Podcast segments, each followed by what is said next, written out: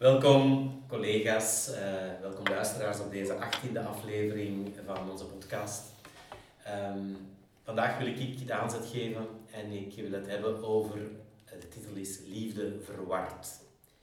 Um, misschien zijn jullie allemaal ja, in verwarring door die titel, maar wat wil, wat wil dat nu eigenlijk zeggen? En misschien, ik ga verschillende aspecten van de verwarring aanhalen. Eén aspect van de verwarring waarmee dat ik wil starten is dat wij niet graag verward zijn. Wij haten verwarring. Alles in ons, in onze vroegste kindertijd, is eigenlijk gericht om verwarring te voorkomen en om niet in verwarring te gaan. Omdat verwarring gewoon een heel onaangenaam gevoel is. Nu, de liefde brengt ons sowieso in twee extremen. Dat is daarom dat deze podcast heet Tussen Hemel en Hel. En eigenlijk om in zo'n extreme uiterste terecht te komen met hetzelfde gegeven, dat verward ons mensen. Hoe kan iets wat mij soms zo een goed gevoel geeft en zo'n gevoel geeft dat ik in het juiste leven zit, dat ik in de juiste persoon ben, dat ik eigenlijk de betere versie van mijzelf ben, want dat is ook een capaciteit van de liefde om ons het gevoel te geven dat we, dat we boven onszelf uitstijgen. Dat we die zware rugzak niet meer meedragen, dat we dat we ineens, dat alles makkelijker lijkt. Meer flow. Dat is de hemel, zou ik kunnen zeggen. En natuurlijk, de hel is als net die persoon die ons soms, waar we, dat we denken dat het dankzij de ontmoeting met die persoon is en de relatie met die persoon, dat we zoveel flow in ons leven hebben en dat we een betere versie van onszelf geworden zijn. Als net door de interactie met die persoon we het gevoel hebben dat we in de hel belanden dat we belanden eigenlijk in de worst case scenario. Dat betekent opnieuw een herhaling van pijnlijke situaties die ik dacht dat, waar ik al lang over was. Ehm, en, en die twee uitersten, dat is eigenlijk totale verwarring, omdat het zo snel van het een in het ander kan gaan. En dat we er eigenlijk, dat ons verstand niet bij machten is om het te volgen. Want dat, het gevoel van verwarring, dat is eigenlijk hier, onze coco, die zegt, ik kan niet volgen, ik kan niet volgen. Leg mij uit, uh, help mij, want ik kan niet volgen. Um, en, en ik denk dat een van de grootste uitdagingen, kansen van de liefde en van het leven is dat we met die paradoxen in onszelf ons kunnen verhouden. Want uiteindelijk brengt ook het leven ons in die paradoxen van totaal in flow, in tune te zijn met het leven en wat het leven ons biedt, brengt. En totaal in verkramping te gaan, in het gevoel niet in overgave te kunnen gaan, omdat er dingen gebeuren in dat leven die we niet, die we niet willen of die we niet kunnen hebben. En wij mensen bewegen met die paradoxen. De kunst is eigenlijk om te blijven bewegen met die paradoxen, zowel in de liefde uh, als in het leven. En verwarring is eigenlijk een heel, als we dat kunnen benoemen, als we dat kunnen beseffen van onszelf, en als we bewust verward kunnen zijn, is dat eigenlijk een heel goed teken. Want dat betekent dat er iets in ons in beweging is. Um, je zou kunnen zeggen, op het ogenblik dat uh, de kastanje uit haar bolster breekt, dus zodanig opzwelt dat de bolster moet lossen en moet openbreken, dat is, dat is eigenlijk een, een, een, een proces van verwarring. Want eens was die bolster er nog helemaal rond en leek er geen kastanje in te zitten en ineens is er nog alleen een kastanje. Elk, elk uh, natuurlijk transformatieproces uh, gaat eigenlijk over verwarring. Uh, rups, en ineens zit die rups in de pop en kan ze niet meer bewegen. Holy shit. En, en ineens is ze uit de pop en vliegt ze. En dat is allemaal datzelfde wezen. Dus het wezenlijke van transformatie is iets wat ons verstand niet kan volgen. Dus als we transformeren, verwarren we. En het voordeel van het leven, het voordeel van de liefde, is dat we daardoor kunnen transformeren. Dus dat we daardoor kunnen verwarren. Het probleem is dat ons verstand geleerd heeft van, sinds dat we heel klein zijn, van die verwarring als een alarmteken te beschouwen. Ik kan niet volgen, ik wil niet, ik wil niet. Dus dat is eigenlijk de rups die zegt, ik wil niet, ik wil geen vlinder worden. Of de kastanje die zegt, ik wil niet uit die bolster. Dus we hebben ons, een van de grootste kwaliteiten die we kunnen ontwikkelen, denk ik, als mens, is om met die verwarde staat in onszelf, om daar rustig bij te blijven, vertrouwen in te ontwikkelen. En, en vertrouwen dat we beide extremen in de liefde nodig hebben. We hebben nodig gered te worden door de liefde, uh, verliefd te kunnen worden, de betere versie van onszelf te kunnen worden, te kunnen ervaren hoeveel flow er in het leven kan zitten, hoeveel, hoe, hoe, geluk, hoe graag dat we onszelf kunnen zien, ook al is dat dankzij de anderen. En we hebben het nodig dat de liefde en het leven ons brengt ook in het donkerste van het donkerste, in het, uh, in het hol van de draak, waar dan we onze eigen demonen in de ogen kunnen kijken. Uh, en dat we daardoor moed kunnen ontwikkelen. De moed om met beide extremen gewoon te blijven ademen, te blijven glimlachen. Glimlachen is altijd beter dan, uh, dan pijn lijden en vooruit te gaan. Vooruit te gaan en te blijven inzetten en vertrouwen op onszelf, op onze transformatie, ook al is die nooit volledig. Um, dat is denk ik uh, de, de, de, de, kans die er in, in verwarring zit. Uh, en en het, het, uh, het, het, verwarring is voor mij een. Het moment dat ik kon voor mezelf benoemen, dat ik eigenlijk heel vaak heel verward was, was een moment dat het dat, dat een grote vooruitgang geweest is in mijn leven. Omdat ik eigenlijk een groot stuk van mijn leven dat niet kon vastpakken, dat ik eigenlijk verward was, dat ik er niks van snapte, dat ik de bewegingen van mensen niet kon volgen, dat ik mijn eigen bewegingen niet kon volgen, dat ik de oorsprong van mijn kwaadheid en van al die gevoelens, dat ik er eigenlijk gewoon heel vaak niks van snapte. Mm. Omdat ik vertrok vanuit een bepaalde goede intenties en dat dan de resultaten ineens heel anders waren. En verwarring heeft mij geholpen ook om meer in contact te komen met het niet geziene kind in mij, niet begrepen kind in mij, dat dan soms, waar dat ik soms enorme muren rondbouw, maar waardoor dat ik soms ook in enorme pijn terechtkom en in een enorme reactiviteit. En die, die paradoxen, dat is voor mij gewoon mijn hele leven zo super verwarrend geweest, omdat die elkaar continu leken tegen te spreken en mm. Je continu het gevoel hebt dat je achter de zaken achter, achteraan loopt. Terwijl dat eigenlijk in, in wezen, als ik nu zie naar mijn leven, hoe het geworden is, ja, is, er groei. Maar je hebt niet altijd door dat je aan het groeien bent in die paradoxen van verwarring.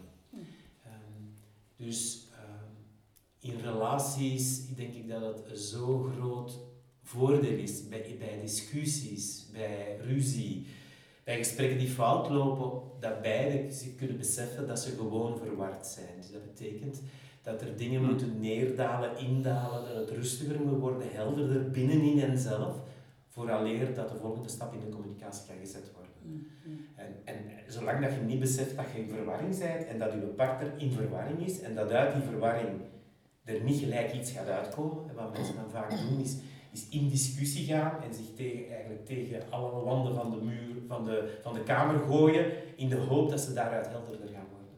En die gesprekken maken ons alleen maar verwarder. Dus verwarring is iets dat je bij jezelf te herkennen hebt en wij hebben eerst helder te worden, in zover we dat kunnen, en dan in gesprek te gaan. En het kind in ons gaat eigenlijk de andere gebruiken als een verward is, in de hoop dat er van ergens helderheid uit de hemel neerdaalt. Um, en dat is de paradox, dat is hoe dat we het allemaal geleerd hebben. We hopen dan, we gaan zo verward als een gesprek in en we hopen dan er het beste van. En heel vaak gebeuren er dan dingen dat we alsmaar verwarder worden en dat we alsmaar het gevoel hebben dat we minder grip krijgen op de relatie, op onszelf. Uh, dus verwarring is, is heel om dat te kunnen vaststellen en dan heb je zelf tijd nodig. Een afgemeten tijd, niet drie jaar, maar misschien een dag om je de eldere vragen te stellen als wat wil ik eigenlijk, wat is de essentie, wat is de essentie van mijn pijn, waar ben ik bang voor en wat wil ik. En met die essentie kan je het gesprek verder zetten en ondertussen hopen dat ook jouw partner een bepaald proces gegaan is. Want wat mensen die verward zijn vergeten, is dat de verwarring aan de andere kant altijd net mm. even groot is. Mm. Mm. Maar wij hebben allemaal een andere taal om daarmee naar buiten te komen. Voilà, dat was mijn aanzet um, voor vandaag. En ik ben uh, curieus naar wat mijn collega's uh, hier aan toevoegen of uh, bedenkingen bij hebben. Of, dus ik luister. Ja, ik wil wel van start gaan, omdat wat heel erg bij mij binnenkomt, is het stukje van de communicatie daarin. Van hoe doe ik het dan om tussen de verwarring die ik voel en misschien toch iets bij de ander daar willen gaan halen, hoe dat ik dat eigen proces loop. Hè. Ik had gisteren nog uh, een koppel in relatietherapie en, en die split van die verwarring wordt dan zo groot, waar de ene totaal wegloopt en de andere erachter gaat, gelijk als een pakman bij manier van spreken. Um, en, en zichzelf, dat je ziet hoeveel pijn dat er eigenlijk is in eh, het gevoel van afgewezen te worden, van er niet bij te mogen zijn, van uh, daardoor ook um, ja, zichzelf opeens niet goed genoeg niet meer vinden en, en, en zichzelf daarin helemaal afbreken, bij manier van spreken. Maar dan zien van toch altijd zo gefocust te blijven op die en andere. Terwijl ik denk, allee, ga naar binnen en kijk, wat wil ik nu precies hierin? En kan ik wel in mijn eigen kracht ook blijven staan eigenlijk? Hè? Want ja, je ziet dan echt heel die, ja, die afhankelijkheid en het verliezen van jezelf. Uh, omdat de hoop blijft dat de ander het zou zien. Hè? Mm-hmm. En dat de ander de beweging zou maken naar jou toe vanuit hoe hulpeloos ben ik nu. en dat is natuurlijk niet wat gebeurt, want de ander vindt dat dan afschuwelijk, want dat is niet wat hij gekend heeft vanuit de verliefdheidsfase. En dan, wie heb ik nu nog voor mij die zich hier zo totaal afhankelijk maakt van mij? En, en dat is echt wat bij mij heel erg binnenkomt. Van hoe ga ik dan in die communicatie met de ander? En kan ik het inderdaad eerst rustig maken, kijken wat wil ik? En dan een afspraak van oké, wanneer gaan we erover praten? Van wat, wat gebeurt er hier precies in, in het relationele stuk tussen ons beiden zo? Dat, dat is heel erg wat bij mij ja, getriggerd wordt of naar boven komt daarin. Ja, ja, ja. ja dankjewel. Ik, ik denk eigenlijk, um, het is altijd de werkelijkheid die ons het meest vooruit helpt. Ja. En de werkelijkheid is dat bij, zo, bij hoge conflicten of bij in die energie, de werkelijkheid is dat beide verward zijn. Mm. Dus zolang dat je die werkelijkheid niet kunt herkennen van jezelf en van je partner, ja, kan er ook niks nieuws ontstaan. Ja, ja. En, en, en het is pas als je kunt erkennen dat je verward bent, dat je iets uit die verwarring kunt geraken en dan de vragen kunt stellen van wat wil ik eigenlijk en, en ben ik bereid om te luisteren naar simpelweg wat een andere wil en ben ik mm. bereid om het gewoon eenvoudig te maken. Mm. En, en die vragen. Maar heel vaak hebben wij niet door dat we zelf verward zijn, maar we, we zijn wel een soort in paniek. Of we maken ja, ja. altijd dezelfde En we hebben niet dat door dat die andere er eigenlijk niet meer is. Dat die, ook, dat die gewoon verward is. Dat daar dus geen, geen, geen ontvangstkanaal zit voor mijn energie. Ja, ja. Um, dus ja, dankjewel Sonja. De, ja, als het gaat over, over de, uh, wat is de, de, de werkelijkheid, dan dacht ik inderdaad van ja, ik denk dat... Uh, ja, er zit zoveel verwarring überhaupt op het woord, op het woord liefde, op het mm. woord wat relaties is. En mm. natuurlijk, dat klopt wel in die aanzet door te zeggen, we houden niet van verwarring. Maar tegelijkertijd denk ik dat de meeste van ons vertrekken vanuit een heel verward beeld over, over liefde uh, en relaties. En um, ik denk dat je voor jezelf een idee hebt van, dit is liefde, dus je, hebt het voor, je, je denkt dat je het heel helder hebt, dat er, dat er geen verwarring is over liefde. Maar al, tenminste voor mezelf, al mate hoe meer je ja, ouder wordt en relaties probeert aan te knopen, dat je eigenlijk in zoiets hebt van, ja, ehm, dit is mijn beeld, dit is het goede. En dan komt de verwarring van, klopt dat nog wel? Klopt dat beeld wel van wat het is? Want ik denk als je uh, op een gegeven moment uit de verwarring wilt en je wilt meer helderheid, op, op een bepaalde manier, wat ik vaak zie, is dat de mensen denken dat de relatie niet goed is, omdat, het niet meer, omdat ze verward zijn, want het klopt niet met het beeld van hoe ze dachten dat het was. En dan denk ik dat je daarna twee, ja, ik heb net opgeschreven, er zijn eigenlijk dan twee soorten helderheid waar daarna wordt gezocht. Aan de ene kant de oude werkelijkheid, dus dat er heel erg gezocht wordt naar van ja, ik denk dat uh, als, als we uh, het doen zoals ik het vroeger heb geleerd, of zoals ik het beeld van mijn ouders heb, hoe, hoe het wel of niet moet, ja, dan, dan raken we meer uit, minder, uit, minder verward en dan gaan we de goede kant op. Maar ja, inderdaad, het, de, de helderheid die komt uit een onverwachte hoek, de helderheid die, uh, die je niet van tevoren had kunnen ver, ver bedenken mm. en die eigenlijk heel nieuw is dat dat eigenlijk de werkelijke helderheid is. Hmm. En die is denk ik ook het, het meest beangstigend of hetgeen waar we, waar we ons toch op een bepaalde manier ja, het, het, het meest tegen, uh, tegen verzetten. Hm. Dat, dat is wat je, ja, dat is, dat, uh, dat is denk ik veel van, de, wat is, welke vormen van helderheid zijn we naar op zoek? Is het het, het oude beeld waarvan we denken, of is het, durven we inderdaad naar een, een, een nieuwe helderheid uh, te gaan kijken? Ja, wat, wat, bij mij daarbij opkomt, is het stukje van uh, de onzekerheid die daarmee gepaard gaat. Hè? Want als ik het oude beeld heb los te laten en naar iets nieuws te gaan, ja, waar is het dan nog veilig met mij en de ander, bij Ja. manier van spreken? Hè? En dan komt heel veel angst uh, mogelijks Hm. naar boven. Ja, en dat is Ja. inderdaad dan dat stukje verwarring waar, waar de potentie in Ja. zit dat er groei en, en, en transformatie eh, mogelijk is. Ja. Kunnen we misschien wel inpikken op dat woordje angst en pijn die daar eigenlijk een beetje mee gepaard gaat.